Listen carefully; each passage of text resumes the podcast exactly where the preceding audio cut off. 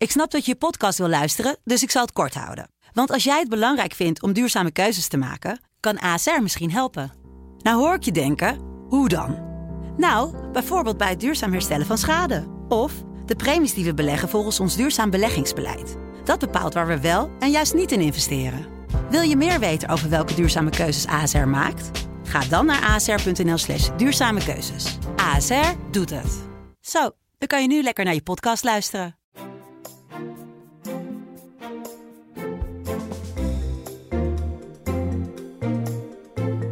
De DFT Podcast met Herman Stam en Martin Visser. Ja, we zijn er eventjes uh, twee weken tussenuit geweest, maar nu weer uh, met frisse moeten tegenaan. En een leuke gast in de studio. De hoofdeconoom uh, van de Rabobank, Menno Middendorp, is hier aanwezig. Hallo. We gaan zoveel over het klimaat hebben. Je bent de opvolger van Barbara Baarsma. Klopt. Sinds, hoe lang is dat? Sinds 1 januari. Sinds 1 januari, dus nog niet zo lang. Ik zat even net je cv te kijken. We hadden het nog heel kort er even over toen je binnenkwam lopen. Je hebt hiervoor uh, onder andere bij de Federal Reserve gezeten in New York. Klopt. Een indrukwekkend gebouw, weet ik nog uit mijn tijd als correspondent, waar je heel moeilijk inkomt. Dat is de bedoeling inderdaad. Ja, met een hele grote kluis, bekend uit die Die Hard film, hè, dat ze dat goud gaan stelen, waar ook uh, Nederlands goud ligt volgens mij. Ja, um, goud van een heleboel landen. Want ja. ze, ze, eigenlijk ligt er geen Amerikaans goud, of heel weinig Amerikaans goud. Die ligt natuurlijk in Fort Knox. Ja. en de Fed beheert dat voor andere, andere landen. En dat komt natuurlijk uit de tijd van een goudstandaard. Het was een stuk makkelijker om het goud uh, aan de ene kant van de andere kant van de, van de kluis in de Fed te verschuiven dan het was om een uh, goud heen en weer te gaan verschepen. Ja. Wat een bijzondere plek om daar. Hoe kom je daar zo terecht als Nederlander om daar uh, te kunnen werken? Ik heb gesolliciteerd. Ja. nou ja, ik was daar vanwege het werk van mijn vrouw. En um, ik had zelf, uh, was ik aan de eindfase van mijn proefschrift. En die ging juist over monetair beleid en uh, wat de impact is van communicatie op de financiële markten. Um, en met die zeg maar, achtergrond en ook het feit dat ik daarvoor bij de Rabo had gewerkt in de dealing room, dus als uh, econoom op de handelsvloer. Um, dat die achtergrond was ik interessant voor, voor de Fed. En ja. dus heb ik daar bijna 3,5 jaar gewerkt ongeveer. Ja, en dat proefschrift dat is ook wel erg interessant. Dat komt nu volgens mij goed van pas. Als je uitspraken bijvoorbeeld van Donald Trump hoort. Dat miljarden kosten, tweetjes. Dan moet je wel bovenop zitten als je een proefschrift maakt over wat communicatie doet met monetair beleid lijkt mij. Ja, nou ja, de centrale banken, uh, banken zijn al een aantal jaren heel bewust van de impact van hun woorden. Um, en, en zijn ook transparanter geworden, hebben bewust voor gekozen om veel meer te gaan zeggen. Um, en dat, dat de, mijn vra de vraag van mijn proefschrift was, is dat, hoe goed is dat eigenlijk? Mhm. Mm -hmm. Want daarmee is het risico dat je wel um, het eigen denken van, van marktpartijen een beetje verdringt. Hè? Als je het alles gaat vertellen, gratis en voor niks, waarom gaan ze dan zelf nadenken over uh, wat de centrale bank gaat doen. Mhm. Mm -hmm. um, want dat kost moeite en energie. En als de centrale bank je dat gratis vertelt, ja, ga je het misschien niet meer doen. Um, maar goed, daar kon ik dan helemaal geen empirisch bewijs voor vinden dat dat daadwerkelijk optreedt, optrad, dat probleem. Uh, en in het algemeen zie je dat uh, hoe meer centrale bankiers praten, hoe beter de markten in staat zijn om hun te voorspellen. Mhm. Mm -hmm. uh, maar dat wil niet zeggen dat er niet soms een enorme schokken zijn. Hè? Zoals bijvoorbeeld bij de taper tantrum. Bernanke per ongeluk um, een andere wending van het monetair beleid um, aanstipte. En dat de markten toen opeens 100 basispunten in rente omhoog ging in binnen korte tijd. Dus het blijft het blijft uh, moeilijk werk, centrale bank communiceren. Ja, even misschien uh, voor onze luisteraars ook, wat, wat, doet precies een hoofdeconoom bij de Rabobank? Ja, je hebt een soort combinatie van uh, naar buiten treden en de kennis van je afdeling um, delen met de wereld. en het managen van, van, van een, een, een, groep economen. dus het is die zin best wel een functie die... die veel verschillende aspecten heeft. Dat maakt het leuk, maar ook wel uitdagend. Want uh, je wordt voortdurend in twee kanten ge getrokken. Hè? Je, mm -hmm. De managementverantwoordelijkheid en je, en je eigen kennis, ontwikkeling en uit, uh, uitdragen van die kennis. Dus dat, dat is een balans die je dan voortdurend probeert te bereiken. Maar het is wel echt heel leuk om te doen. Ja, we gaan het vandaag uitgebreid hebben over de klimaatplannen. Martin heeft geregeld contact ook met jullie. Je hebt wel eens een keer ja. de Rabobank ook gevraagd voor de krant hè, om die klimaatplannen ook al zelf door te rekenen voordat die berekeningen kwamen. Hoe, hoe is jullie contact? Hoe gaat zoiets bijvoorbeeld? Nou ja, toen, uh, toen heb ik bedacht van welke, welke. Ik heb veel contact met, uh, met de verschillende uh, economische afdelingen van de banken. En naast mijn contact met het Centraal Planbureau en Nederlandse Bank is het ook prettig om die partijen erbij te hebben. Zeker omdat, hij, omdat die niet gelieerd zijn aan de politiek, maar wel bovenop alle maatschappelijke discussies zitten. Ze maken een stuk natuurlijk primair voor de klanten. Maar heel veel wat er aan analyses buiten komt, is ook, is ook journalistiek heel geschikt. En ehm, nou goed, we hebben gewoon een beetje afgetast van valt er voordat het Centraal Planbureau de klimaatakkoord doorrekent al iets te zeggen. Eigenlijk was in het eerste contact het antwoord al van nou waarschijnlijk valt er heel weinig te zeggen. Ze nou dat vind ik al heel erg interessant, want dat was nog even, even weer terug in de tijd, op het moment dat, dat, nou, dat de verwachting werd gecreëerd of alsof na de doorrekeningen alles duidelijk zou worden. Nou, uiteindelijk was de boodschap ook in de krant uh, met, met, met vrij ouderwetse chocoladeletter zelfs van, uh, nou, er gaat heel veel niet duidelijk zijn. Uh, Want het is zo'n stortvloed aan maatregelen, heel precieze maatregelen, nog heel vage maatregelen, duidelijke kosten, heel veel onduidelijke kosten. En ik denk dat het ook wel gebleken is als je de doorrekeningen bekijkt van het Planbureau voor de Leefomgeving, Centraal Planbureau, lijkt het heel precies en concreet. Maar er zijn heel veel maatregelen door het Centraal Planbureau bijvoorbeeld ook niet eens doorgerekend, omdat die nog veel te onduidelijk zijn. CO2-heffing is daar overigens, waar we het zo ook over gaan hebben, is er ook weer een voorbeeld van. Hè. PvdA GroenLinks hebben daar ook een plan voor ingediend. En het Planbureau voor de Leefomgeving komt met voorzichtige berekeningen, maar geeft ook aan wat dat er heel veel onduidelijkheden, mitsen en maren zijn. En dat is de politieke situatie waar dit kabinet mee uh, moet dealen. Terwijl ze heel graag zouden willen dat de planbureaus al hun problemen oplossen, zal toch de politiek zelf die problemen op moeten lossen. Ja, die chocoladeletters, dat was financiële gatenkaas. Ja, financiële gatenkaas. Ja. En daar konden jullie ook in vinden uiteindelijk als Rabobank. Ja, wij zouden het waarschijnlijk niet zo hebben opgeschreven. Hebben we ook niet gedaan in, de, in, het, uh, in de publicatie zelf. Maar wat wij constateerden is dat we zonder aansluitende politieke besluiten niet alles in het klimaatakkoord um, um, definieerbaar was. Um, dus dat er nog. En, ja, en dat, dat blijkt natuurlijk een van de grote uitdagingen van deze hele discussie. Is dat uh, er zijn bepaalde beslissingen die nodig zijn om, om hier invulling aan te geven. En die zijn nog niet allemaal genomen. Uh, en, en één daarvan is natuurlijk de CO2-heffing. Dus we weten nog steeds niet precies hoe dat, hoe dat ingevuld gaat worden. Um, terwijl, en er zijn heel veel verschillende ideeën over hoe dat zou kunnen. Ja. We hebben afgesproken om elkaar uh, te tutoyeren. Uh, omdat je zo gespecialiseerd ook bent in communicatie, wilde ik eerst beginnen met het communiceren van het kabinet. In de, uh, want er is veel kritiek op geweest.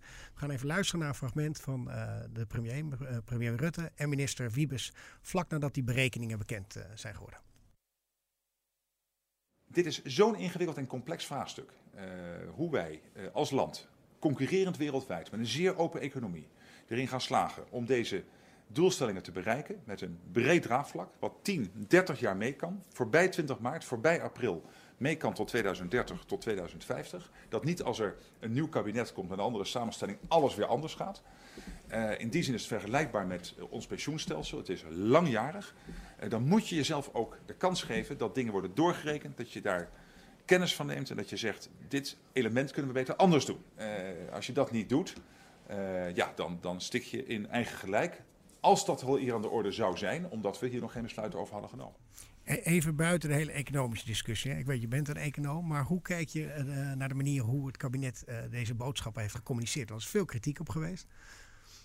Ja, als ik letterlijk luister naar die, die uitspraken die daar gedaan werden, ja, voel ik wel mee. Het is ook een enorm complex uh, onderwerp. Um, ik, ik, ja, ik, kan het als econoom kan ik het heel economisch benaderen en, en kan ik daar heel duidelijk zeggen dat de CO2-heffing gewoon de meest efficiënte oplossing is. Maar een, een, een politicus moet daar ook nog uh, uh, iets mee in de politiek. En dat is niet makkelijk. Want zelfs als je zou zeggen van, en, en daar ben ik van overtuigd dat dat ook de, de beste weg is, dus om van CO2-heffing gaan we gewoon doen, heb je nog een enorme discussie over hoe hoog moet die prijs zijn? Um, hoe, gaan we dat, hoe gaan we de inkomsten van die belastingverdeling?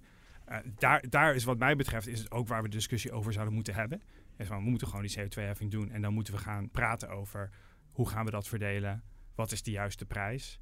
En, en dat, dat is een heel gebied waar economen het zelfs niet over eens zijn. Mm Bijna alle economen zijn eens dat de heffing gewoon de beste aanpak is. Maar hoe je dat precies doet en wat je doet met, het, met de opbrengsten van het geld, daar kan je een heleboel verschillende uh, economische sluitende redeneringen voor brengen. En um, die hebben allemaal politieke gevolgen. En ja, dat is best best lastig. Dus ik, ik heb wel sympathie voor, voor, voor de, de worsteling en, en, de, en hoe moeilijk het is om daarover te communiceren. Mm -hmm. medelijden hoor ik je zelfs bijna. Ja, uh, in, in, uh, maar het interessante is natuurlijk dat aanvankelijk, dit was de persconferentie waarin Rutte best, best wel ingewikkelde zinnen hoor ik hier voorbij komen, waarin Rutte uiteindelijk zei van die CO2-heffing zat, zat niet in het klimaatakkoord, maar hij gaat het toch komen. Mhm. Dat is natuurlijk het interessante. Uh, alle, nagenoeg alle economen zijn het over eens Als je, je wil CO2 reduceren, als je daar gewoon een prijs op zet of een belasting op zet, is dat de beste prikkel. Dat is een zuivere economische redenering. Maar uitgerekend dat plan zat aanvankelijk niet in het klimaatakkoord, omdat het tegen heel veel bezwaren aanloopt van bedrijfsleven. Het kabinet had het zo georganiseerd met zo'n klimaattafel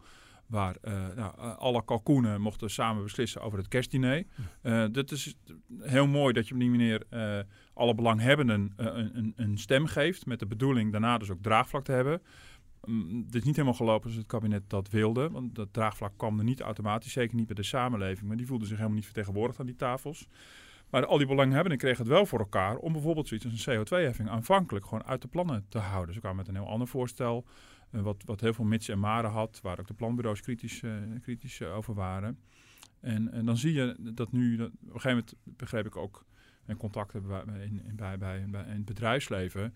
Dat op een gegeven moment het kabinet ook achter de schermen al had aangegeven richting het bedrijfsleven. Ja, reken erop, die CO2-heffing gaat er alsnog gewoon komen. Mm -hmm. En hoe heftig die voor jullie wordt, weten we niet. Maar alleen, alleen al het woord CO2-heffing zal in de plannen moeten zitten om aan de mensen duidelijk te maken dat het niet de burgers zijn die, die de grote bulk zullen moeten gaan betalen, maar dat ook de vervuilers echt betalen. Uh, dus dat is even als illustratie dat communicatie bij ook ongelooflijk belangrijk is. Een plan zonder CO2-heffing was gewoon kansloos uh, geweest. En nu is de vraag hoe die eruit gaat zien. En dan moeten wij als journalisten en bij de Rabo en andere plekken, de economen straks gaan fileren of, of het wel iets is wat zo naar de dijk zet. Want er zijn natuurlijk wel heel veel gradaties in, in, in aan te brengen. Ja, en het bonus-malus systeem die voorgesteld werd, als je dat, dat zou je ook als een soort heffing met terugsluis op bepaalde, met een bepaalde benchmark. Dus het is ook een beetje welke woorden je kiest, inderdaad. Uh, maar wat, wat zeg maar economisch betreft het meest zuiver is om een brede CO2-heffing te doen. Um, en daarmee vervolgens gaan nadenken over hoe je dat terugsluist op een manier dat niks te maken heeft met CO2. Ja, de, de, de, er moet gewoon een prijs voor CO2 zijn dat, dat opgaat voor de hele economie. Uh, en dan um, komt daar geld uit en die kan je gebruiken op een gerichte manier om de de, de nadelen van zo'n systeem uh, uh, op te lossen. En een van de nadelen natuurlijk is de concurrentiepositie. Dus dat is één die, um, die natuurlijk de aandacht krijgt. Maar een andere is natuurlijk ook inkomensverdeling. Het zou kunnen zijn, afhankelijk van hoe je het inricht, dat uh, armere huishoudens, lagere inkomenshuishoudens, meer last hebben van de, de doorrekening van CO2-heffing. Mm -hmm. en dat, um, daar zou je dus ook iets aan kunnen doen. Uh, maar goed, dat zijn dus de, de, de, het gerichte aanpakken van de problemen. Ja. Je zou ook nog even wat ja? je bedoelt dan dat een bedrijf dat meer doorrekent aan bepaalde gezinnen en dat zij er meer last van hebben omdat ze een lager inkomen bijvoorbeeld hebben. Dat nou, zo, zo. als je het uh, als bijvoorbeeld uh, je zou zeggen van uh, we doen een brede CO2-heffing, dus niet alleen sommige bedrijven in de industrie, maar een heleboel verschillende sectoren. Ja, dus in, als die bedrijven vooral een afzetmarkt hebben in Nederland, Um, dan, dan, dan, zullen ze dat kunnen doorrekenen naar consumenten. Mm. Dus dat zal dan een element zijn. Mm -hmm. Wat natuurlijk het geval is hier, is dat dat niet voor, hele, voor alle bedrijven geldt. Uh, veel bedrijven hebben niet voornamelijk een afzetmarkt in Nederland, maar internationaal. En daar komt dan de concurrentiepositie bij kijken, want die hebben dan niet de marktmacht op de internationale markt mm. om dat, dat door te rekenen. Ja. Um, en dus de, iets zal terechtkomen bij consumenten. De vraag is, zijn die consumenten in Nederland of zijn ze ergens anders? Mm. En hoe kunnen de consumenten daarop reageren? Consumenten in het buitenland hebben de mogelijkheid om ergens anders hun producten te, te kopen dan Nederland. Ja. En dan kom, daarom, daarom hebben, maken we ons zorgen over de concurrentiepositie. Nou, het interessante is natuurlijk dat, dat uh, in, in een economische werkelijkheid moet het ook terechtkomen bij de consumenten. In, in, in het ideale CO2-heffingsplan, zoals, als, zoals een gemiddelde econoom het voorstel ziet valt alles onder de CO2-heffing. Je moet gewoon een prijs zetten op CO2. Uh, dat geldt dus niet alleen voor de staalindustrie, maar ook voor, voor, voor, voor sectoren die echt gewoon voor de consumenten producten maken. Ja, en, en, dan, en, en, dan, en dan zie je dus inderdaad, het gaat nu gericht waarschijnlijk worden op de zware industrie, heel specifiek op die vervuilers. En dat heeft ook, dat heeft ook natuurlijk met de uitstraling te maken, met de verkoopbaarheid van de plannen. Uh, maar zuiver economisch geredeneerd moet je daar allemaal geen onderscheid tussen maken. Maar dan moet je natuurlijk inderdaad de mensen weer uitleggen waarom zij moeten gaan opdraaien. Want dan, ja, dan wordt het allemaal doorberekend. Mm -hmm. Maar dan heb je natuurlijk die prijsprikkel zeg maar helemaal uh, uh, doorgevoerd. Ja, dat iets waar, waar veel CO2 aan te pas is gekomen te produceren gewoon heel duur is. En iets waar minder CO2 aan te pas gekomen is goedkoper is. Dat is, dat is zo logisch als wat. Alleen probeert dat dan maar politiek te verkopen. Ja. Is het überhaupt, is, is het überhaupt de, de, de- ze hebben veel knappe koppen bij de Rabobank zitten om berekeningen te maken. Ook die bureaus die zich erover buigen. Maar ja, hoe, hoe concreet is het uiteindelijk te maken? Zijn die berekeningen wel helemaal zo door te voeren? Nou, dat is ook het planbureau voor de leefomgeving bijvoorbeeld, eh, die, die niet de koopkracht doet, maar die de effecten voor het, voor het milieu doet. Die heeft een bandbreedte aangegeven. Ehm, ehm, ook, ook, ook denk ik om aan te geven, ja, zo heel zeker is het allemaal niet. Dan kan je een beetje aangeven, naar deze bandbreedte verwachten we aan CO2-reductie. Dus het viel mij op dat het Centraal Planbureau vrij specifiek was met de berekeningen van wat gaat het allemaal kosten en wat zijn de koopkrachten. Vervolgens kon je in een bijlage zien welke maatregelen er allemaal niet waren doorgerekend. Dus dat was ook wel een soort van schijnprecisie, denk ik. Ik denk dat het ook heel gewoon, eh, eigenlijk moet je daar gewoon heel eerlijk over zijn. Ook de politiek moet er eerlijk over zijn. Dat weten we dus niet precies. Want het gaat over een hele lange termijn. De eerste doel is voor 2030 een reductie van CO2 met bijna 50%. En dan zijn er ook weer doelstellingen voor, voor, daarna. Het gaat om een enorme trits en waaier aan, aan, aan maatregelen. Ja, ik denk dat er van tevoren te veel het gevoel gecreëerd is van nou, eh, eh, wacht nou allemaal af. Als het allemaal is doorgerekend, dan weet het allemaal zeker. Waar we ook een beetje mee begonnen. Ja, dat, kan, dat, dat kan tot op zekere hoogte niet. Het is een te lange termijn. Het zijn, er zijn heel veel onzekerheden. Je weet ook niet hoe mensen en bedrijven gaan reageren op allerlei belastingen. En daar, als je al ziet, de enorme blunder rondom de, de, de energierekening. Dat was, dat was echt nog een ABC'tje vergeleken met wat er nu allemaal in de Mhm. pijplijn zit. Ja. en die- dat, dat, die gedragsverandering hè, is een van de belangrijkste aspecten. Want dat is ook wat je wil. Je, je, je, je wil dat ehm, een CO2-heffing mensen aanmoedigt om eh, minder CO2-intensieve producten te kopen. Eh, maar in welke mate dat gebeurt en hoe snel, daar zitten allemaal on- onze- grote onzekerheden bij. En hoe verder je in de toekomst gaat, hoe meer er nieuwe technologieën zullen ontstaan die juist door de prikkel van de bezuiniging van CO2 ehm, ehm, die beslissingen zullen beïnvloeden. En hoe moeilijker het wordt om te voorspellen hoeveel CO2-uitstoot er zal komen en hoeveel die belasting zal opbrengen. Dus eh, En dat is precies wat je wil. dat is precies wat je wil. Ja, dat is ook, dat, ja. ook het idee. Dus ergens is het zo van. Het, het, het mooie van de CO2-heffing is dat het de, de, de markt gebruikt om zo efficiënt mogelijk om te gaan met CO2. En daarmee ook een prikkel creëert om CO2-bezuinigende technologie te ontwikkelen. Maar ja, wat die technologie precies zal zijn en hoe dat, dat zal gebeuren, dat, dat weten we nog niet. Mhm. Dus dat, dat, dat is een fundamenteel probleem met, met het voorspellen van de toekomst van CO2-uitstoot onder dit regime. Ja. Jullie zeggen allebei van de, de meeste, alle economen zijn het erover eens over die CO2-heffing. Kennen jullie ook een paar economen die, dat, die, dat niet, die er niet zo over denken? Nee, Gewoon ik, eerlijk die gezegd. dus ze zullen, wellicht zijn ze er, maar ik... Ik zijn er ongetwijfeld. Maar eh, het gaat vooral over de vormgeving en dergelijke. En eh, ehm, in, ja, nee, dus bijna alles zijn er wel over. Omdat het namelijk een vrij logische economische redenering is. Zet er een prijs op en je creëert een prikkel. Eh, dus in die, dat heeft ook tegelijkertijd al zijn beperkingen. Mhm. Daar gaan we natuurlijk ook over hebben. Ja. Wat, wat zijn al die beperkingen? En wat zijn de gevolgen voor die bedrijven? En moet je die gevolgen wel of niet willen? Maar dan zal een econoom zeggen, ja, dat is politiek. Daar, gaan, daar gaan we niet over. Ja. Maar ja, de economie is dan natuurlijk in die zin ook een beetje een schematische werkelijkheid. Waar wij gewoon zeggen, nou, zo, zo werken een beetje de processen en, en, en de transacties. Maar het gaat natuurlijk uiteindelijk, wat zijn de gevolgen voor die bedrijven? Wat zijn de gevolgen voor de mensen die daar werken? Wat zijn de gevolgen voor onze economie en dus voor, voor, voor, de- voor onze koopkracht? En dat is natuurlijk uiteindelijk het, het grotere plaatje. En, en als burgers in Nederland kunnen we misschien wel heel graag willen dat de echte vervuilers betalen. En daar zit ook wel, natuurlijk wel iets in. Dat de echt zwaar vervuilende bedrijven betalen. Maar als het vervolgens allerlei economische repercussies heeft. En ook gewoon mensen in bepaalde sectoren echt treft. Daar moet je ook weer rekening mee houden. En dat is, ja, dat is de puzzel die het kabinet nu met een verstandige CO2-heffing, zo hebben ze hem genoemd, Mhm. nu aan het uitdokteren is. Nou, volgens mij uit de studie van de Rabobank blijkt dat het niet eenvoudig is. Want er zijn allerlei voorbeelden in van landen of regio's waar vormen van CO2-heffing zijn.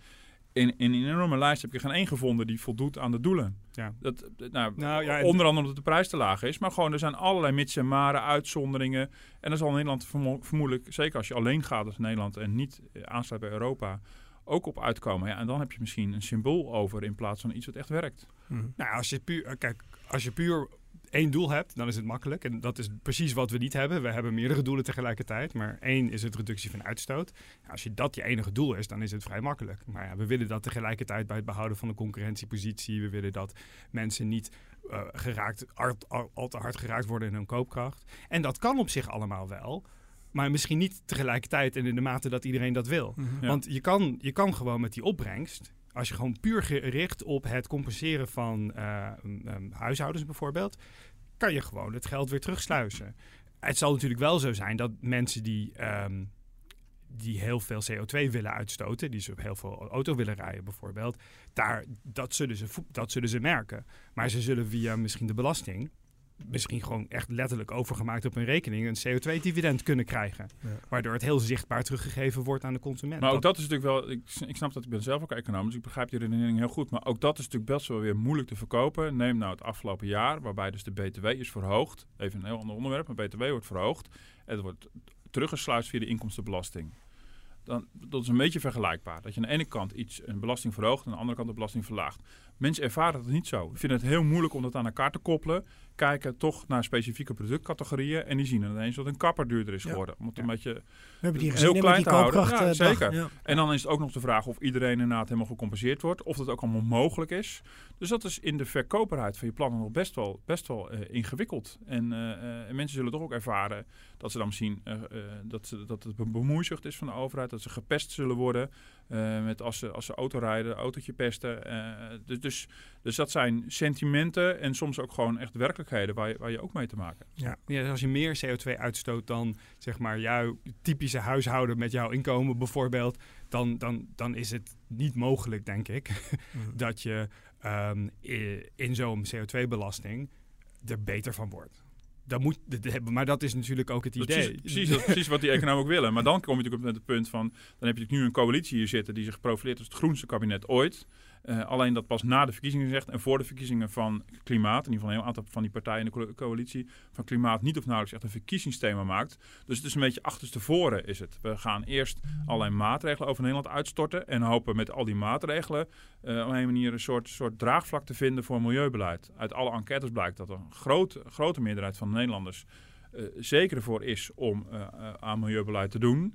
Um, maar ja, je, je, moet de mensen wel meenemen. En dat doe je niet op de manier met die klimaattafels en, uh, en, en, heel veel onduidelijkheid en onzekerheid uh, creëren. Dus dat is best, best wel een ingewikkeld spel. Ja, is absoluut ingewikkeld. Maar ik denk dat, dat er te weinig, denk ik, is, is gedaan aan die mogelijkheden voor het, het, het gebruiken van de opbrengst van een CO2-heffing. Daar, daar, zit, daar zit veel mogelijkheid om beleid te voeren die of aan de inkomenskant of om de concurrentiepositie te verdedigen. En daar, ik kan me voorstellen dat mensen zeg maar, I'll see it when I believe it, uh, I'll believe it when I see it, uh, wat dit betreft. Uh, omdat, ja, het is niet eigenlijk moeilijk om te zien dat als het in een soort algemene belastingverlaging terechtkomt.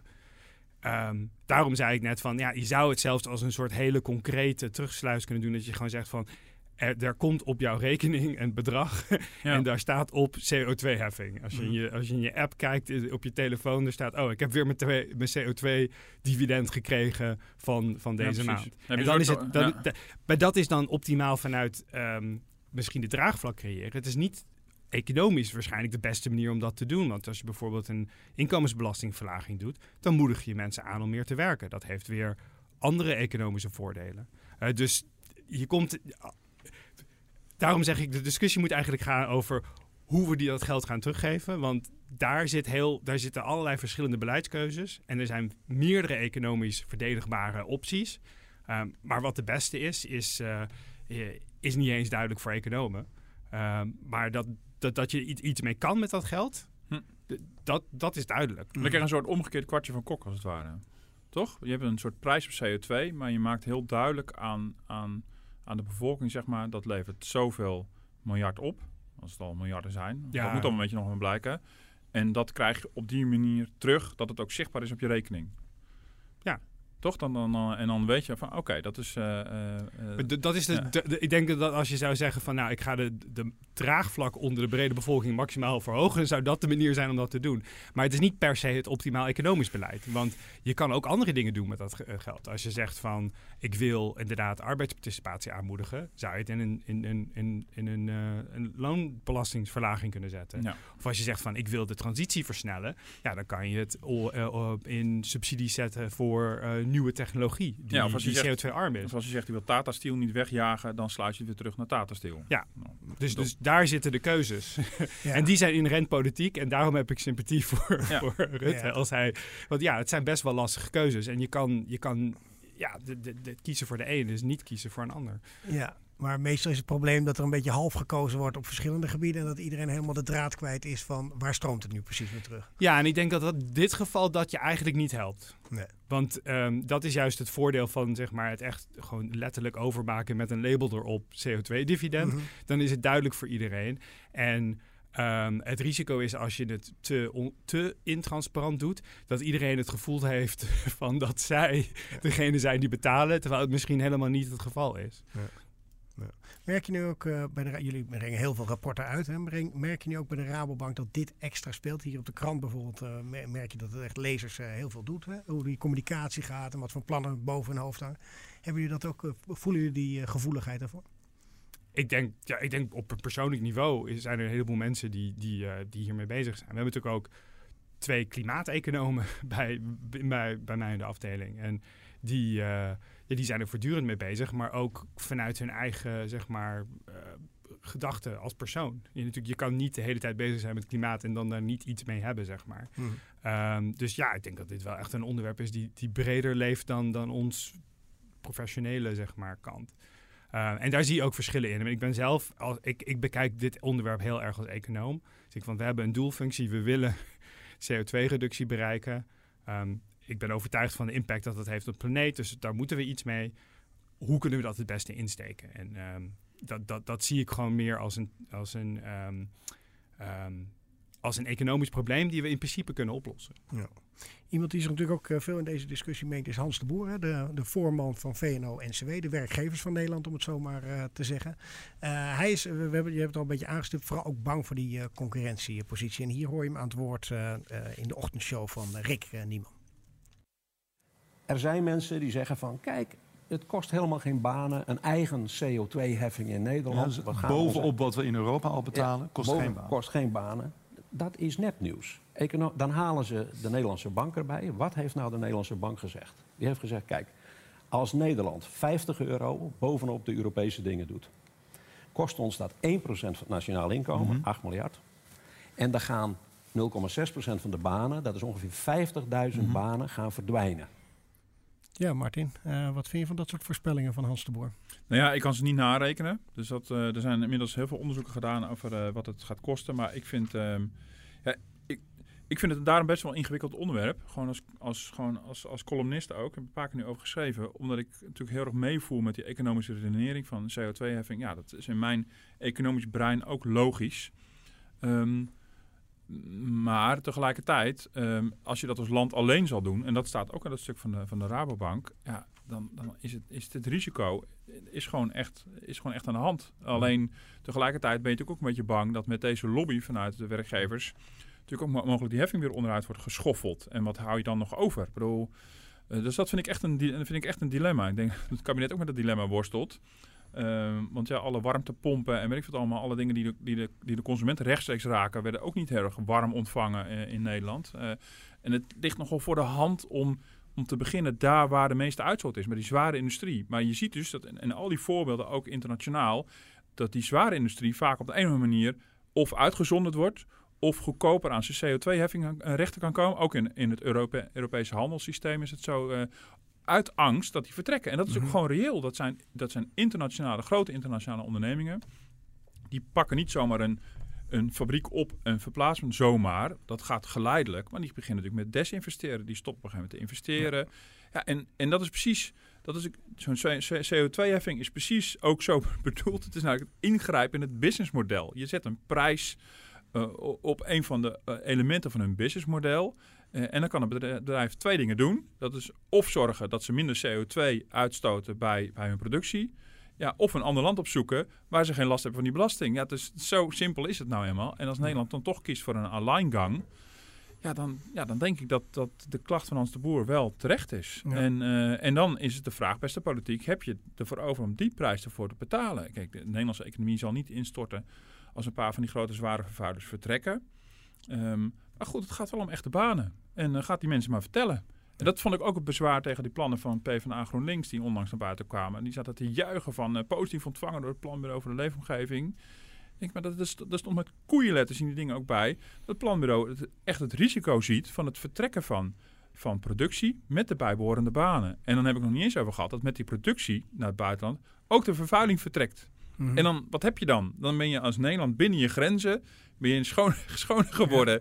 Wat, wat, wat, wat zit je dan te doen? Dat, is toch, ja, dat, dat, dat vind ik toch echt symboolpolitiek. Eh, maar ja, eh, goed, ik zie... ja, dan- je bent dan wel CO2-reductie aan het bereiken binnen Nederland. En dat is wat we afgesproken Maar dan hebben. kan ook gewoon een fabriek in België deze Ja. kant op blazen, of niet? Ja. Nou ja, dat, dat, is het, dat is natuurlijk het fundamentele dilemma achter de manier van dat deze afspraken zijn gemaakt. Mhm. In de prijs hebben we per land afgesproken wat we aan CO2-reductie gaan doen. Zodat we met z'n allen eh, wereldwijd een lager CO2-uitstoot gaan bereiken. Hm.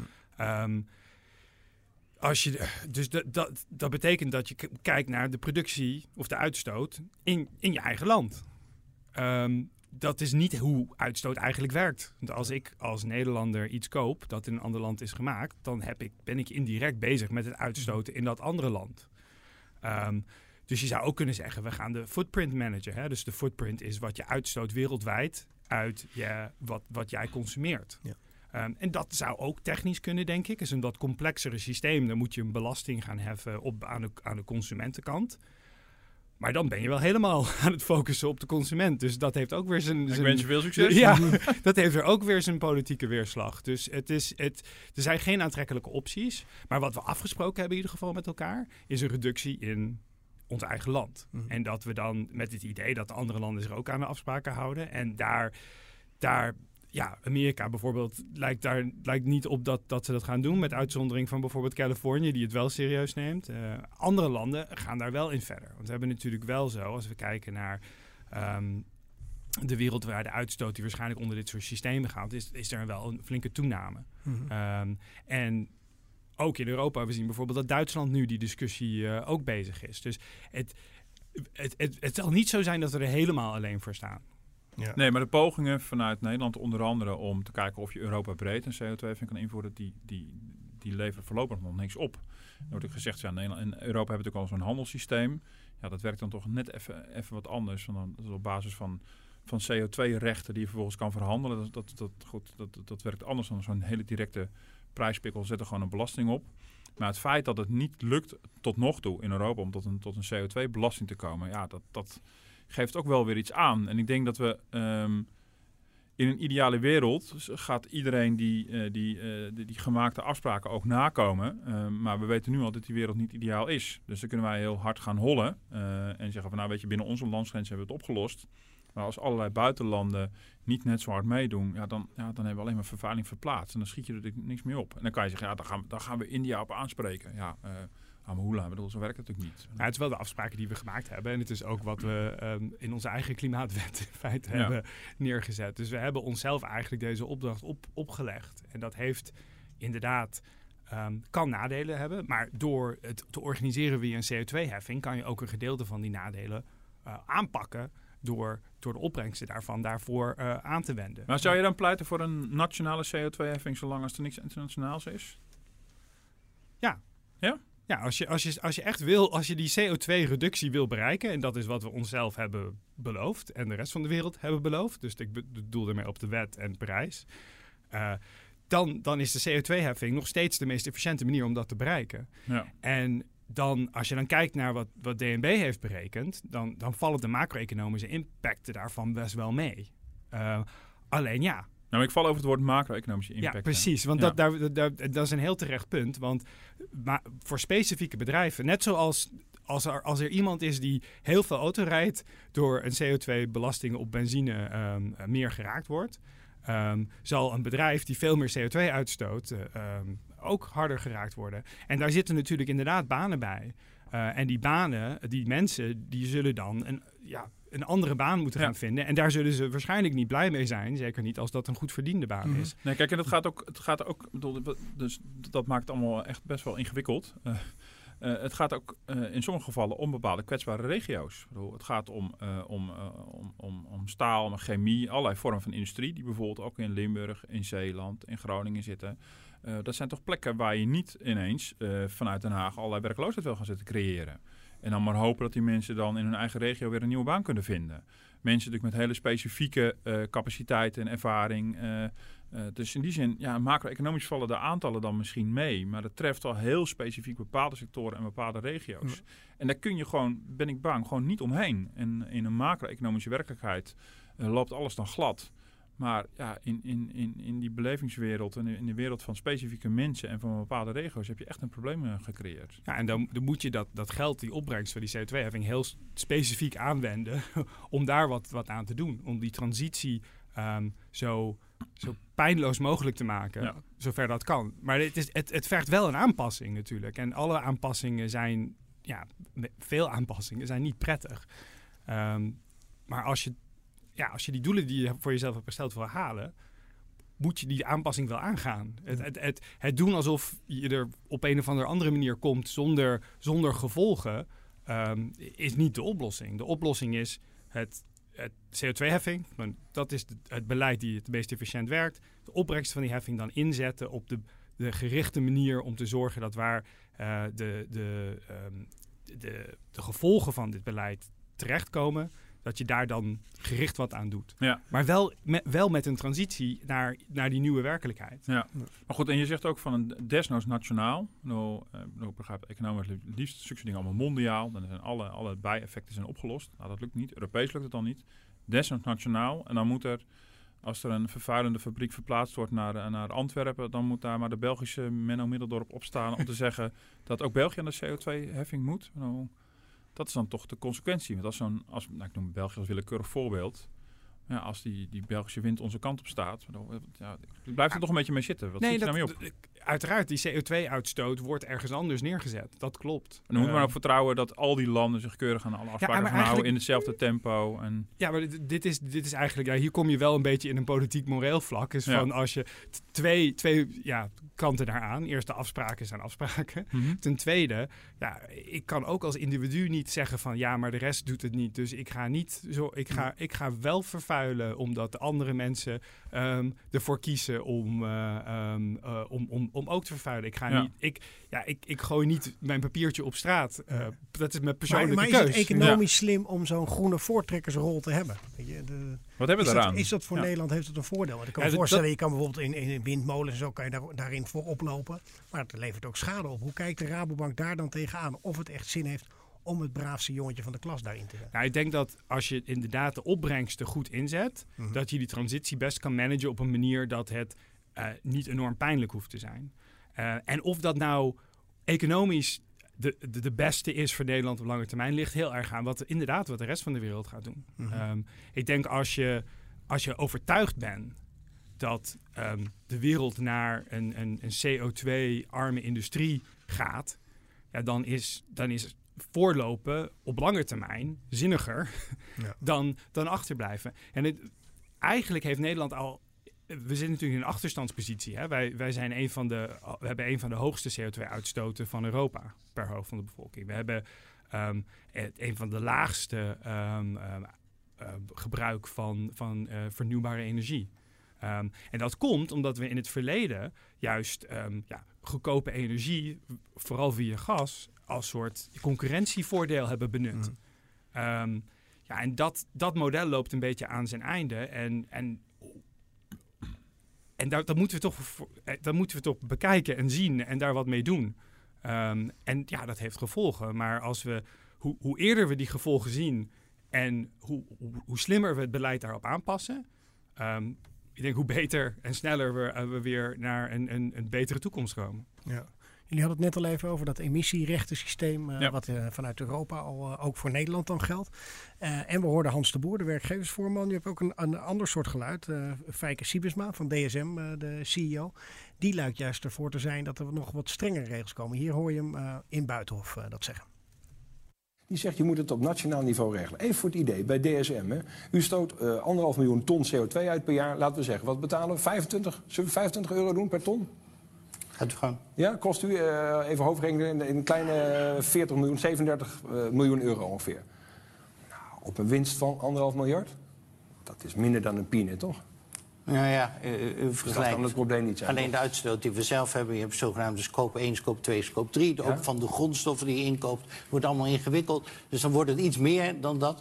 Maar daarom moet die prijs ook richting de 30 of 50. Want we beginnen Ja, ja. tientallen miljoenen als je ons bedrijf neemt. En dan eh, wordt het financieel een grotere, eh, grotere impact. Maar ik denk, uh, een prijs op CO2 is het belangrijkste wat we moeten uh, doen. En ik heb er geen probleem mee als die prijs uh, zwaar omhoog gaat. Ja, ik vind het zelf altijd zo opvallend als die zo echt die berekening, als ze die doornemen, dan nog minder dan uh, peanuts. Hoe kijk jij tegen dit fragment aan? Ja, het is heel moeilijk te, te, op, op bedrijfsniveau precies te weten wat, wat dat voor gevolgen heeft als macro-econoom. En als je Mm. kijkt naar de economie als geheel, dan komen we terug waar we het uh, bij, uh, bij de eer, eerder over hadden. Dat DNB-berekeningen, maar ook gewoon back-of-the-envelope berekeningen laten zien dat de kosten niet enorm hoeven te zijn. Um, maar ze vallen inderdaad wel heel erg specifiek bij specifieke bedrijven. En dat, dat is natuurlijk altijd een politiek gewoon een heel lastig probleem. Dus van Mhm. als, als, al, dit zie je voortdurend in de, zeg maar, de economische politieke uh, uh, issues. De issues zijn het moeilijkste als kleine groepen heel duidelijk geraakt worden.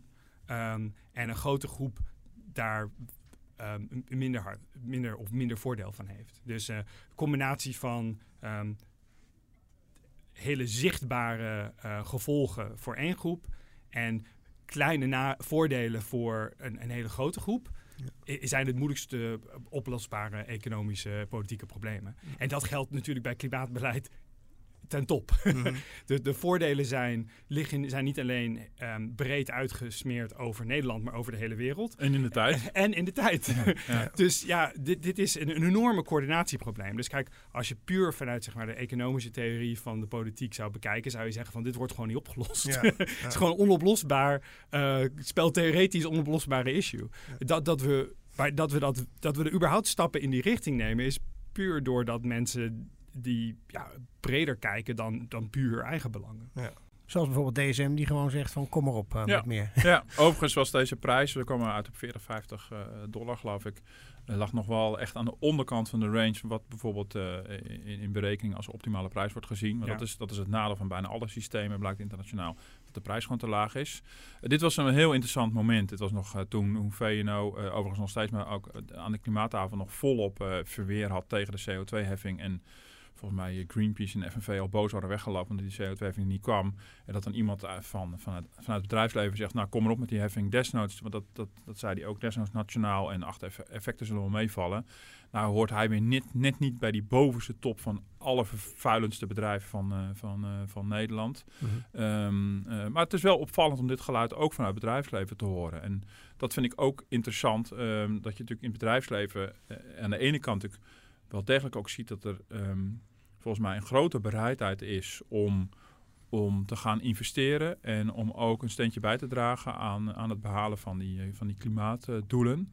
Ja, totdat het duidelijk is dat het heel specifiek bepaald aantal bedrijven treft. Dat is precies ook wat Menno zegt. Bedoel, uh, zeker als je met een, met een CO2-belasting komt die echt voor de allerzwaarste vervuilende industrie is, dan raak je hele specifieke bedrijven. Ja, die komen dan natuurlijk in, uh, die komen dan natuurlijk in opstand. En dat is ook vanuit hun belang gezien ook weer begrijpelijk.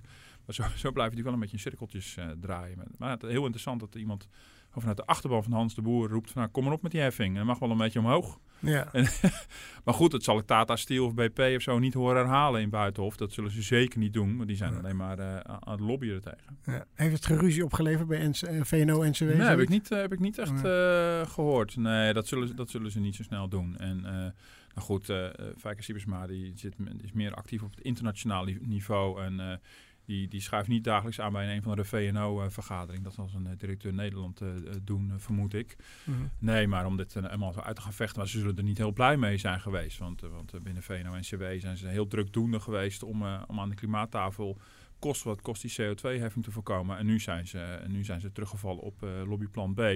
Namelijk om te zorgen dat de CO2-heffing zo min mogelijk voor gaat stellen. De, de strategie uh, bij het bedrijfsleven is nu om te zorgen dat wat eruit gaat komen uh, is wat in het klimaatplan stond. Um, um, maar dat het wel CO2-heffing heet. Dus het uh, beestje moet een nieuwe naam krijgen, maar het moet niet te veel voorstellen. Mm. En dat wordt wel interessant. En dat is dan wat het kabinet een verstandige CO2-heffing noemt. En dan zou het zomaar kunnen zijn dat die toe te voegen is aan het, aan het lijstje van, van CO2-heffingen uh, die, die, die er al zijn internationaal en die weinig zoden aan de dijk zetten, omdat ze zo verstandig zijn dat niemand er last van heeft. Ja, en waar, waar doe je het dan voor? En dan zal ergens in de toekomst alsnog op een manier moeten worden ingegrepen om die klimaatdoelen wel te halen. En dan denkt de burger misschien even buiten schot te zijn, omdat de zware industrie betaalt. Maar met als risico dat de burger vroeg of laat alsnog aan de beurt komt. eh, omdat je zo verstandig bent geweest dat je niemand treft. Ehm, ja, dat is, dat is toch wel het dilemma waar het kabinet mee zit. Ja. Maar wat natuurlijk ook wel zo is, dat de burger nu al best wel wat betaalt aan verschillende vormen van energiebelastingen. Zeker. Ehm, en dus afhankelijk van hoe je dat, dat kan je proberen door te, terug te rekenen naar een soort impliciete CO2-belasting. En dan zit je ook op best wel hoge tarieven. Dus het is niet vanzelfsprekend dat als je een hele brede CO2-belasting zou doen, bijvoorbeeld, die ook burgers zou, um, waar ook burgers voor benzine bijvoorbeeld CO2-belasting zouden doen. Als je dat ver, zou verrekenen met die andere belastingen die er al zijn, zou je misschien wel lager uit kunnen komen uh, zelfs. Dus dat, dat, dat Jerry Baudet heeft het altijd over duizend miljard volgens mij, hè, wat dan ook uh, voor de burgers boven hun hoofd hangt. Herken je iets in zulke bedragen of zeg je dat is echt... Uh, ja, dat, dat is lastig. Je hebt per capita CO2-uitstoot in Nederland zit rond de 12 ton, dacht ik of zo. Nou, dan, uh, um, dan um, moet je denken dat een heel groot gedeelte daarvan eigenlijk via de industrie gaat. En dus niet per se direct door wordt gerekend naar, um, naar consumenten. Maar als je kijkt naar de footprint, die is niet zo heel anders. Die is ook rond, die is, die is iets hoger, dacht ik, maar ongeveer hetzelfde. Dus dat is zeg maar wat indirect veroorzaakt wordt door consumenten of inwoners van Nederland wereldwijd. Ja, en dan als je daar een prijs op zet, hmm. um, ja, dan kom je niet op een bedrag die daarmee uh, in overeenkomst is. Ook al niet, als, ook al niet als je zet je er 100 uh, uh, euro per ton op. Hmm. Ja. Want dan zit je, zeg maar, even heel gemakkelijk gezegd, 10 maal 100 is 1000. Er zijn 17 miljoen Nederlanders. Ja. Dus dat, die berekeningen die zou je niet heel snel kunnen staven. Ja. Martin, uh, het gevoel hè, van burgers dat ze allemaal aan de warmtepomp moeten. en alle de, de, de, kan je daar wat bij voelen? Heb je ook zelf dat, uh, dat ongemak erover? nee, want ik heb geen gas. Oké. Okay. ja, ja, nee, ik, heb, ik woon op Eiburg. Dat is een gasloze wijk. Dus, mm. dus dat heb ik vast niet. Maar ik kan me het heel goed voorstellen. Ja, zeker. Kijk, het lastige is natuurlijk geweest dat er gewoon zo'n stortvloed aan ideeën, uh, concreet, minder concreet, uh, over ons is uitgestort. Dat je denkt van hallo, alsof het morgen allemaal gaat gebeuren. Dat is natuurlijk niet zo. Het gaat voor de lange termijn. Dus het is echt ook gewoon politiek management wat hier gewoon echt gefaald is. En wat ik rond gas echt wel, echt wel heel erg interessant vind. Maar goed, ik ben geen klimaatwetenschapper. Ik ben maar een eenvoudige econoom. Maar ik, en gewoon een, en gewoon een geïnteresseerde burger die op zichzelf al om het klimaat geeft. Maar ik heb wel steeds van waar is toch ineens vandaan gekomen dat, dat plotseling dat gas zo'n enorm probleem is? Mm. Um, ja, dat hoort dan bij de fossiele brandstoffen. Uh, maar dat is, dat is ook weer zo'n ding. Ik bedoel, we hebben allebei in België gewoond. Wat dat is in de achtertuin van die mazoet-tank. Ja, bedoel, absoluut. Goedemorgen. bedoel, nog het schoonmaken. Ja, weet je, we hebben ook verhalen in de krant gehad waar, waar gekeken wordt hoe dan uh, in een grensregio in een Nederlandse dorp moet het gas eruit. En in het dorp over de grens gaan ze gas introduceren omdat dat schoner is dan wat er was. Mm. bedoel, dat is ook dus, dus ja, we gaan natuurlijk ook kijken wat doen andere landen eigenlijk. En dat is wel, daar is absoluut onvoldoende over nagedacht. Een soort mantra ontstaan, we moeten van het gas af. Ja, dat komt natuurlijk voort uit het feit dat in Groningen die gaskraan wilden dichtdraaien. Daar was het vooral om te doen. En willen niet afhankelijk zijn van, um, van Russisch gas. Dus je moet heel goed nadenken, uh, wat pak je als eerste aan? En hoe leg je dat aan de mensen uit? En ik denk, ik zei het net ook al een keer, uit heel veel onderzoek blijkt dat een overgroot deel van de Nederlanders de noodzaak ziet van klimaatbeleid. Maar verspeel dit draagvlak nou niet met, met, met domme maatregelen of uh, met te veel tegelijkertijd. Manage dat nou heel erg goed. Ja, of je dat nou over moet laten aan Warhoofd Wiebes, dat vraagt dan ook ten zeerste af. Uh, maar management, manage dat alsjeblieft heel erg goed. Dat mensen gewoon weten wat ze te wachten staat. En dat is natuurlijk gewoon, denk ik, afgelopen, afgelopen tijd heel erg misgegaan. Ja. Maar dat is ook lastig, want je moet dan eerst beslissen hoe je het gaat doen. En daar ben je juist die, al die belangen aan het afwegen. En dat is, ja, zoals we net eerder beschreven, is dat politiek heel, heel moeilijk probleem. Uh, dus hoe kan je zekerheid bieden als je niet niet die draagvlak al van tevoren al gecreëerd hebt. Die, die, politieke oplossing is er pas op het moment dat het door de Tweede Kamer is. En ja, uh, ja zover zijn we nog niet. Ja, maar dat komt omdat we natuurlijk in Nederland ook te, eigenlijk ook te laat begonnen zijn. Ik bedoel, we zitten nu uh, in de discussie van waarom moeten we het beste jongetje van de klas zijn. Maar we, we, we zitten achter in de klas. We zitten echt enorm achter in de we klas. We zitten op de achterste bankjes. En nu worden ineens, pats, boom, allemaal ambities ja. neergelegd. En zegt Rutte van 49 procent, even 55. We gaan er gewoon overheen. Dat is, dat is ook al gewoon vanuit dat perspectief al waanzinnig. We hebben eerst een achterstand in te halen. Uh, ook het punt van plotseling zo'n groenste kabinet ooit. Ik bedoel, probeer het ook gewoon zakelijk te houden. Sluit gewoon aan bij het draagvlak wat er is. Overdrijf dan niet zo. Uh, doe het stap voor. Het moet natuurlijk allemaal wel gebeuren. Het groenste kabinet ooit, dat is heel makkelijk natuurlijk. Ja, nee, zeker. omdat- Zeker. alle, andere, alle eerdere kabinetten hebben ons tot die, achter, eh, die achterstandspositie geleid. Dus ja, het- Je bent het al vrij snel. Je zou het vrij, al vrij snel moeten kunnen zijn. Maar Ja. waarom vindt Rutte het zo belangrijk als eh, VVD? Eh? Nou ja, ehm, eh, ik denk dat de hele internationale setting ernaar is. Even los van in hoeverre dit echt allemaal persoonlijk doorvoelt. Dat weet je natuurlijk nooit helemaal zeker. Hij heeft wel in het verleden wel eens een keer iets over groen-rechts geroepen. Dus hij heeft al eens eerder enige affiniteit getoond met dit eh, thema. Toen snel weer laten rusten, omdat hij er niet heel veel populairder van werd. Ehm, maar je ziet natuurlijk wel dat gewoon eh, het momentum, zowel politiek als in het bedrijfsleven, daar natuurlijk absoluut is. Ik bedoel, dat ik, nou, als ik in Davos bij World Economic Forum ben, gaat het vooral over, over zulke soort thema's. Eh, eh, door de financiële crisis is het een tijdje op de achtergrond geraakt. Nou, in 2008 was, was klimaat nog het allerbelangrijkste onderwerp in Brussel. En toen een heel aantal jaren niet meer. En dat is nu weer terug. Ik bedoel, er is ook gewoon weer ruimte en tijd om, om daar echt de aandacht aan te besteden. En in, in, in, in, in de, in de gremia, de fora waar Rutte zich in begeeft, is het natuurlijk gewoon ook gewoon volkomen politiek correct geaccepteerd dat je ook gewoon dat je gewoon deze lijn ook volgt. En, eh, eh, en het lijkt me overigens ook goed hoor. We hebben gewoon, we hebben gewoon Parijs getekend. Dan moet je ook gewoon, dan moet je ook gewoon boter bij de vis. Dan moet je ook Mhm. gewoon aangeven hoe je, dat, eh, hoe je dat gaat doen. Maar ja, dan, dan zie je ook wel dat het makkelijker roepen is dan het vervolgens in te gaan voeren. En hij heeft natuurlijk ook een, met D66 en ChristenUnie natuurlijk ook gewoon twee groene coalitiepartners. Ja. Ja, en Amerikanen bijvoorbeeld die wel Parijs opzeggen, zo kan het ook. Ja, hoewel binnen Amerika er dan ook enorme verschillen zijn. Hè? Want Mhm. de, de- Californië maakt gewoon concreet eh, ehm, beleid op dit gebied. Die doen ook aan een CO2-beprijzing. Ehm, die hebben meerdere maatregelen genomen. En dat is best een grote staat. Als je het eh, als onafhankelijk land zou hebben, dan zou het gewoon een G7-lid zijn. Dus, eh, en Canada, ehm, dat is natuurlijk ook een heel ander land qua instelling. Maar ehm, daar, daar zijn ze ook hard hiermee bezig. Dus een groot gedeelte van eh, ehm, de wereld is wel hiermee bezig. Maar Amerika is natuurlijk wel een hele belangrijke Ja. uitzondering. Ja. Wat weer opvallend is dat China wel nu hier serieus werk van maakt. Omdat zij, voor hun is denk ik klimaatbeleid niet alleen een kwestie van de wereld, maar ook van hun, eh, ehm, van hun binnenlandse issues. Gewoon, ja, met de vervuiling die is daar zo erg dat hij gewoon vanzelf eh, draagvlak krijgt voor eh, minder vervuiling. Omdat eh, een- een gedeelte van onze footprint waar we het eerder over hadden, die, die komt natuurlijk omdat wij producten kopen die in China CO2 uitstoten.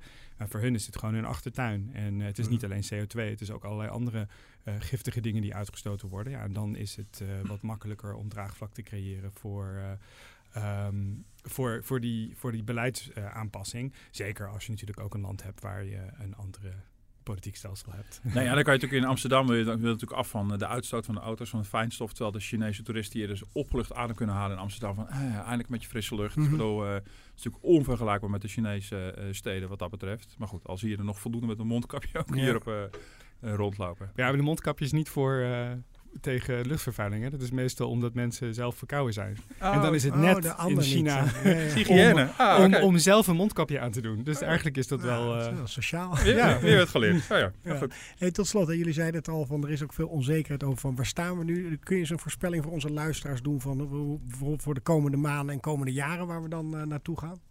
een voorspelling voor wat we... Ja, maar hoe, waar zitten we nu in het proces en wat is er de komende tijd te verwachten?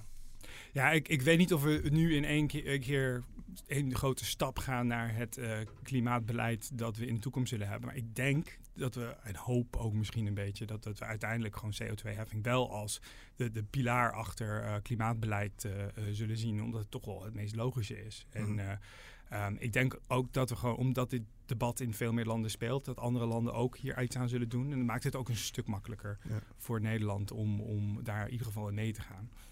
Martin, jij zei al even, VNO zal proberen om het een soort afgezwakte CO2-heffing te maken. Wat zit er nog meer in het vat? Nou ja, ik denk, ik denk dat eh, het kabinet met een soort slap aftreksel gaat komen van, van wat economen voorstaan. Om, om de redenen die we uitgebreid besproken hebben. Omdat gewoon ook de, de, als je het puur nationaal doet, heeft het gewoon echt, echt impact op specifieke bedrijven en sectoren. Dus ze zullen dat met een gematigde stap doen. Misschien dat dat dan, dat is maar een voorspelling, hè, misschien zijn ze toch heel groen en heel ambitieus. Ehm, dat klinkt heel negatief. Positief zou je kunnen zeggen. Ze creëren momentum, een politiek momentum, om daarna weer op voor te bouwen. Dat misschien ook andere landen dat gaan volgen. Dat is ook van belang. Ik bedoel, het hoeft niet allemaal meteen gedaan te worden. Dat gaat stapje voor stapje. In Europa gaat het vaak, eh, gaat vaak zo. En ehm, ik denk dat de communicatie erop gericht zal zijn. eh, eh, A, van krijgen we dat geld op een manier terug? Dan gaat, gaat dat geld deels naar burgers toe, ja of nee? Eh, dus het CO2-dividend die we net van, eh, van Menno hebben gekregen. dus, eh, Ja, dat- die- dat- dat Via de, niet Ra- oorsp- via de Rabobank loopt Ja. dat. komt, niet, komt niet oorspronkelijk van mij, er zijn meerdere economen die Ja, dat, eh, het idee hebben ge- Ja. en, eh, en, eh, eh, en dat, en ik denk dat het kabinet, het kabinet ook duidelijk zal willen maken dat het een beleid is voor een hele lange termijn. Dat we niet morgen aan de warmtepomp hoeven. Eh, dat, dat zullen ze keer op keer eh, moeten gaan herhalen. Dat we dit in de komende ja, tijd wat- gaan doen. Wat, wat je het liefst zou willen is dat er een pad wordt uitgezet met dit wordt de CO2-prijs, zo zal het langzaam omhoog gaan. Deze dingen komen eraan. Ehm, terwijl waar ik eerder bang voor ben is dat het een soort politiek proces wordt van, van, van kleine stapjes vooruit. En het nadeel daarvan is dat je dan veel onzekerheid creëert. Om toch uiteindelijk op dezelfde plek terecht te komen. Maar dat is ook niet in de tijd niet de e- economisch meest efficiënte manier om dat te doen. Je zou nu een pad willen uitzetten in plaats van een kleine stap te nemen en dan weer meteen de discussie opnieuw laten beginnen over wat de volgende stap is. Ehm, en, en, en zo voor vele jaren in de toekomst. Dus- Ja, maar binnenkort zit er weer een nieuw kabinet. Zo is het over twee jaar. En, en die versnellen dat pad of vertragen het pad. Ja. En dus in die zin is dat... Ja, dat klinkt, dat klinkt maar in een politieke werkelijkheid met, met periodes van steeds vier jaar eh, op zijn best. Ja. Is, dat ook alweer, is dat ook weer lastig. Dus, dus, dus eh, wat ze doen is een soort stip op de horizon. En ongeveer hoe lang het duurt om daar te komen. Eh, en dan, ja, iets van die onzekerheid zal volgens mij gewoon blijven. Dat is Klopt. onvermijdelijk. Maar ja, je wil het natuurlijk beperken. Eh, maar goed, eh, absoluut. Politieke werkelijkheid en de spanning tussen de politieke werkelijkheid en de economisch meest rationeel beleid. Daar hebben we eigenlijk deze hele podcast-aflevering over gehad. Mhm. Eh, en dat blijft fundamenteel en, en heel moeilijk mee om te gaan. Daarom had ik natuurlijk sympathie voor het in de eerdere. Ja, maar goed, het advies is eh, voor mij kort samengevat: kom met een ferme nationale CO2-heffing. Zet en, en geef het eh, grotendeels of in ieder geval gedeeltelijk terug aan de burger. Want dan creëer je draagvlak. Of eh, gebruik het om de concurrentiepositie eh, te handelen. Want dat komt natuurlijk ook wel weer te goede aan de burgers die een baan hebben. Maar dat wordt weer een beetje ingewikkeld. Ja, nee, maar precies. Dat is het Moet probleem. wel een afsluitende zin hebben. Ja, ik, wil het, ik wil het gewoon op mijn rekening krijgen. En, eh, dat is. eh, Fair ja. En zoals gezegd, de Rabobank gaat het verspreiden. Eh, ik dank jullie hartelijk wel. Hartelijk. Eh, Martin, eh, dank je wel. En eh, Menno ook, eh, dank je wel. Graag En eh, je kan ons ook beluisteren, moet ik even bij zeggen, op eh, Spotify op iTunes eh, van Apple. En abonneer je vooral. En abonneer je, want dan kan je alle afleveringen achter elkaar eh, luisteren. Tot eh, volgende week.